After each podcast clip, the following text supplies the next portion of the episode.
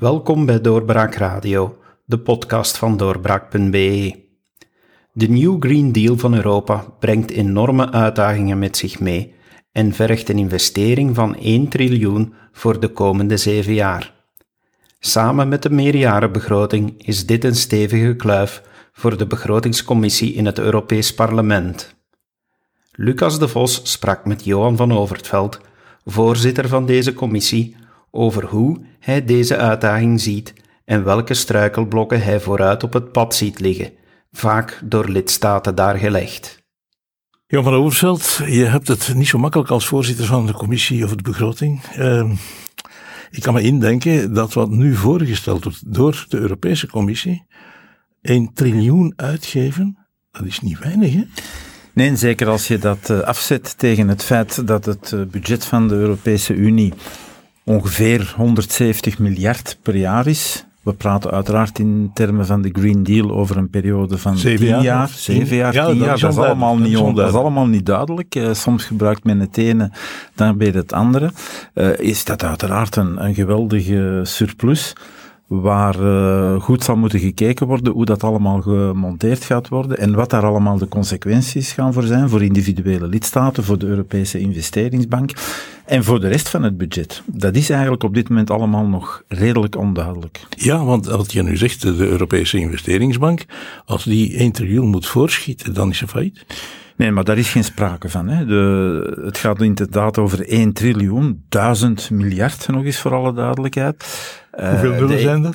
De, dat zijn, uh, als je het zo uitspreekt, zijn het, uh, zijn het drie nullen, maar als je het voluit gaat uitschrijven, zijn het vele nullen.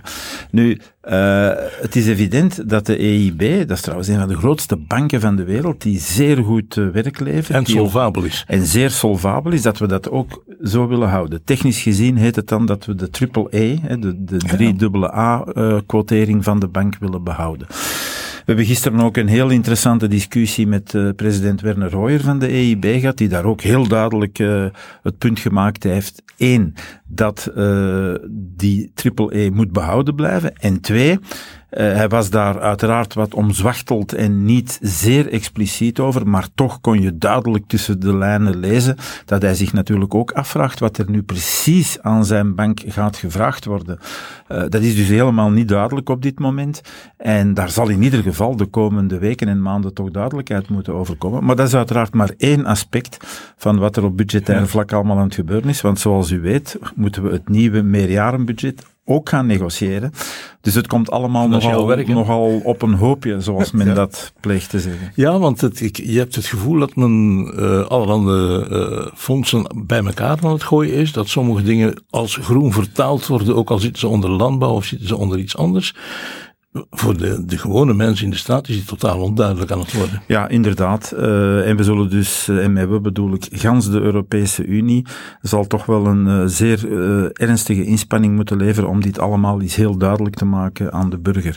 Want je hebt tot nu toe bijvoorbeeld de fameuze cohesiefondsen, waar landen die achterliggen op het gemiddelde van de EU mee vooruitgeholpen worden. Die gaan daar nu ook bij betrokken worden. Landen gaan de keuze hebben om een stuk van wat zij vandaag recht hebben binnen die cohesiefondsen te gebruiken in het kader van de, new, de Green Deal. En dan wordt daar geld bovenop gelegd. Dus men kan dan meer krijgen. Maar er gaan landen op ingaan, er gaan landen misschien niet op ingaan. Dus daar zie je al onmiddellijk dat men daar potentieel wrijvingen, conflicten begint in te bouwen. Niet doelbewust, maar je moet denk ik geen helder zin zijn om te zien dat dat aanleiding kan geven tot heel wat discussie. Ik heb gisteren al eerste reacties gezien, vooral vanuit Oost-Europa waar men, laat ons zeggen, toch minstens bedenkingen had. En dan ben ik zeer voorzichtig in mijn woorden bij die manier van werken. En dat is maar een van de vele punten van onzekerheid, onduidelijkheid, uh, die er in dit plan in zit. Uh, en vermits het over veel geld gaat, zou dat wel eens kostelijke onzekerheid en onduidelijkheid ja, kunnen worden. Want de commissievoorzitter von der Leyen vraagt inderdaad honderden miljarden bij, hè? Ja, het gaat over duizend miljard, over zeven of dan wel tien jaar op een aantal ja, punten. Is dat Nee, dat is gewoon niet duidelijk. Als je aandachtig leest wat er nu allemaal voor ligt, voor bepaalde grootheden gebruikt men zeven jaar, voor andere gebruikt men tien jaar. Dus er zit geen rechte lijn in. Nu, dat zal er allemaal moeten inkomen, want uiteraard een bepaald bedrag delen over zeven jaar dan wel tien jaar geeft uiteraard grote verschillen in de jaarlijkse behoeften. Maar een van de dingen die toch wel cruciaal zal zijn onder eender welke verdere hypothese is, wat is nu eigenlijk het kapitaal dat vanuit Europa voorzien wordt voor dit plan. Want er is een verschil tussen kapitaal en geld dat men kan putten uit bijvoorbeeld leningen van de EIB. Dat is een fundamenteel verschil en daar moet een goede verhouding tussen zijn. Daar mag dus wat heet leverage, men mag één eenheid kapitaal omhoog trekken via leningen tot 2, 3, 4, 5 eenheden, maar daar zijn grenzen aan. En een van mijn vrezen in heel deze discussie is dat men die zogezegde leverage zodanig gaat oprekken dat we misschien niet naar 1 op 3 of 4, maar naar 1 op 7, 8, 10, 15, misschien wel 20 gaan. En dan belast je natuurlijk Thomas. En dan zitten we natuurlijk in situaties mm. die sommige creatieve boekhouding noemen, uh, maar waar ik toch eerder uh, financiële spelletjes, financiële hocus pocus zou willen gebruiken als terminologie. En ik denk dat we daar absoluut moeten trachten dat te vermijden dat we een klimaatprobleem verder gaan beladen met ook nog eens financiële problemen. Dan, zijn we echt helemaal uh, weg. Zijn er mogelijkheden voor jouw commissie, parlementscommissie, om dat wat af te remmen of om daar een andere draai aan te geven? Wel, wij gaan uiteraard, uh, wij voeren gesprekken. Wij hebben uiteraard ook uh, over, het budget hebben we bijna een soort vetorecht. Uh, omdat natuurlijk die, die New Deal of die Green Deal en het nieuwe meerjarenbudget, dat loopt in elkaar. dus je gaat, daar, je gaat daar altijd mee geconfronteerd worden. Ik denk dat wij eerst en vooral een plicht hebben om aan iedereen zowel de Raad als de commissie vragen te stellen, uitleg te vragen, boter bij de vis. Wat zijn de cijfers, wat zijn de juiste mhm. cijfers? En vervolgens te zien waar dit plaatje toe leidt en of dat we inderdaad in een situatie terechtkomen die financieel verdedigbaar is, dan wel een, een situatie die financieel onaanvaardbaar is. En dan zal ik uh, uiteraard proberen van vanuit uh, de begrotingscommissie dat toch in ieder geval af te stoppen. En heb je het gevoel dat je voldoende steun gaat vinden in die commissie? Ik heb in ieder geval het gevoel op basis van de gesprekken van de voorbije twee, drie weken intern in de begrotingscommissie dat men zeer bezorgd is over het gebrek aan kapitaal. Of het mogelijk gebrek aan kapitaal. En dat men inderdaad, sorry dat ik weer dat woord leverage gebruik, dat men dus die, die leverage van dat kapitaal met geleende middelen van de EIB of uit andere uh, bronnen, dat dat te ver zou gaan daar heb ik toch wel het gevoel dat binnen de begrotingscommissie van het parlement een grote huiver voor bestaat om dat zomaar te laten passeren. Nu, uh, men schuift ook vooruit, vooruit, natuurlijk dat er meer eigen middelen zouden komen. Uh, heb je daar geen vertrouwen in? Wel, je moet toch de dingen correct benoemen. Wat betekent dat als je vandaag zegt er moeten meer eigen middelen voorzien worden van de Europese Unie om in dat klimaatplan te steken? Europese dat, taxen. Dat kan, wel, dat kan komen van Europese taxen. Uh, er zijn allerhande ideeën, financiële transactietax, een, een, een uh, carbon tax, allerhande ideeën. Ik merk alleen dat daar onder de lidstaten, een aantal lidstaten, grote weerstand ja. is. Een tweede mogelijkheid is dat de bijdrage van de nationale lidstaten aan de Europese Unie, de fameuze GNI-bijdrage, ja, dat die opgetrokken worden. Ja, maar, maar ook daar... 1,3 heeft, uh, procent heeft het parlement gevraagd. De commissie wou niet verder gaan dan 1,12 en de lidstaten willen zelfs dat niet. Er zijn de zogezegde zeer terughoudende lidstaten, de frugal states zoals ze genoemd worden, die uh, absoluut niet verder dan die 1% willen gaan. Dus ook daar waar moet het dan vandaan komen? Een, een andere mogelijkheid is dat men middelen verschuift naar wat vandaag gebruikt wordt voor de cohesiefondsen en of voor de landbouw. De twee andere grote posten in de... Geen, maar ook, geen structuurfondsen meer. Wel, structuurfondsen, dat zijn de cohesiefondsen. Maar ook daar merk je onmiddellijk uit de reacties gisteren en vandaag dat een aantal lidstaten onmiddellijk aan de alarmbel trekken. Dat ze, zei, uh, dat ze zeggen, ja maar nee, die structuurfondsen zijn wat ze zijn, dat moet blijven wat het is. Ja, als dat natuurlijk de houding is, dan is de discussie moeilijk. En dus ik kan mij wel inbeelden dat het vandaag voor de commissie van mevrouw von der Leyen moeilijk is om die noodzakelijke kapitalen te mobiliseren. Maar als we daar niet in slagen en we blijven bij de grote orde van bedragen die nu voorliggen, dan vrees ik dat we in uh, financiële avonturen terechtkomen en dat kan toch nooit de bedoeling zijn. Is het ook niet omdat men zich te snel te veel doelen tegelijkertijd stelt? Dat is een stuk van de uitleg. Uh, ik denk ook dat uh, men misschien iets meer zou moeten beseffen dat geld tegen iets aangooien, dat dat daarom niet altijd de beste oplossing is.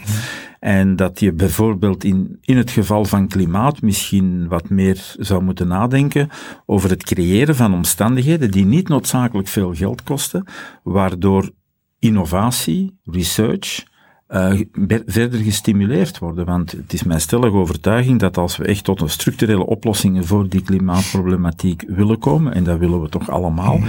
dat de grote bijdrage vanuit die hoek zal moeten komen. Dus Misschien dat er een, een stukje verschuiving van het ideeëngoed rond oplossingen voor de klimaatproblematiek moet komen, dan wel per se er moet zoveel honderden miljarden tegenaan gegooid worden. Een van de mogelijkheden zou bijvoorbeeld zijn dat de Duitse auto-industrie, en daar is mee begonnen eigenlijk, een omslag maakt naar waterstofwagens. Maar ik denk dat alles erop wijst dat die industrie daarmee bezig is. Uh, want die beseffen natuurlijk beter dan wie ook dat hier nu over hun toekomst beslist wordt. Die klimaatproblematiek zal in hoge mate bepalen hoe de auto-industrie binnen 5, 10, 20 jaar eruit ziet. Dus diegenen die daar vandaag in zitten, die daar hun kapitalen in geïnvesteerd hebben, hun meerwaarde in trachten te realiseren, zijn natuurlijk de eerste betrokken partij. En dus als je daar uh, en dat gebeurt voor een stuk. Hè. Als je daar de nodige motivering, motivering, incentive, zoals dat dan in mooi Nederlands heet, kan implanten om die omslag, die research- en innovatiegedreven omslag te versterken, dan denk ik dat je echt goed bezig bent en dat je echt ook structurele resultaten krijgt. Zal de relatief zwaarste last uiteindelijk toch niet afgewenteld worden op de gewone man opnieuw?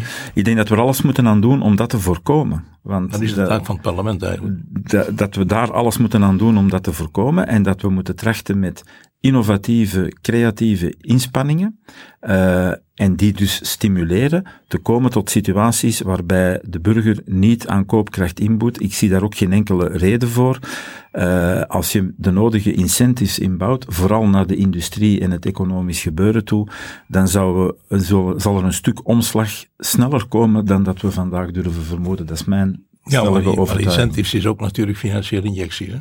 Niet alleen financiële injecties, maar ook zorgen dat bijvoorbeeld op het vlak van vergunningen en dergelijke de zaken, de zaken vlotter lopen dan, dan dat ze nu lopen. Er is op dat vlak een hele weg af te leggen en daar heeft Europa zijn rol in te spelen, omdat natuurlijk een heel stuk van die problematiek is letterlijk grootschalig. Als je dat op een grotere schaal kan bekijken, dan kan je beter tot oplossingen en tot gezondere en efficiëntere oplossingen komen dan wanneer iedereen dat op zijn nationaal gebied gaat doen. Dus Europa heeft daar zijn rol te spelen.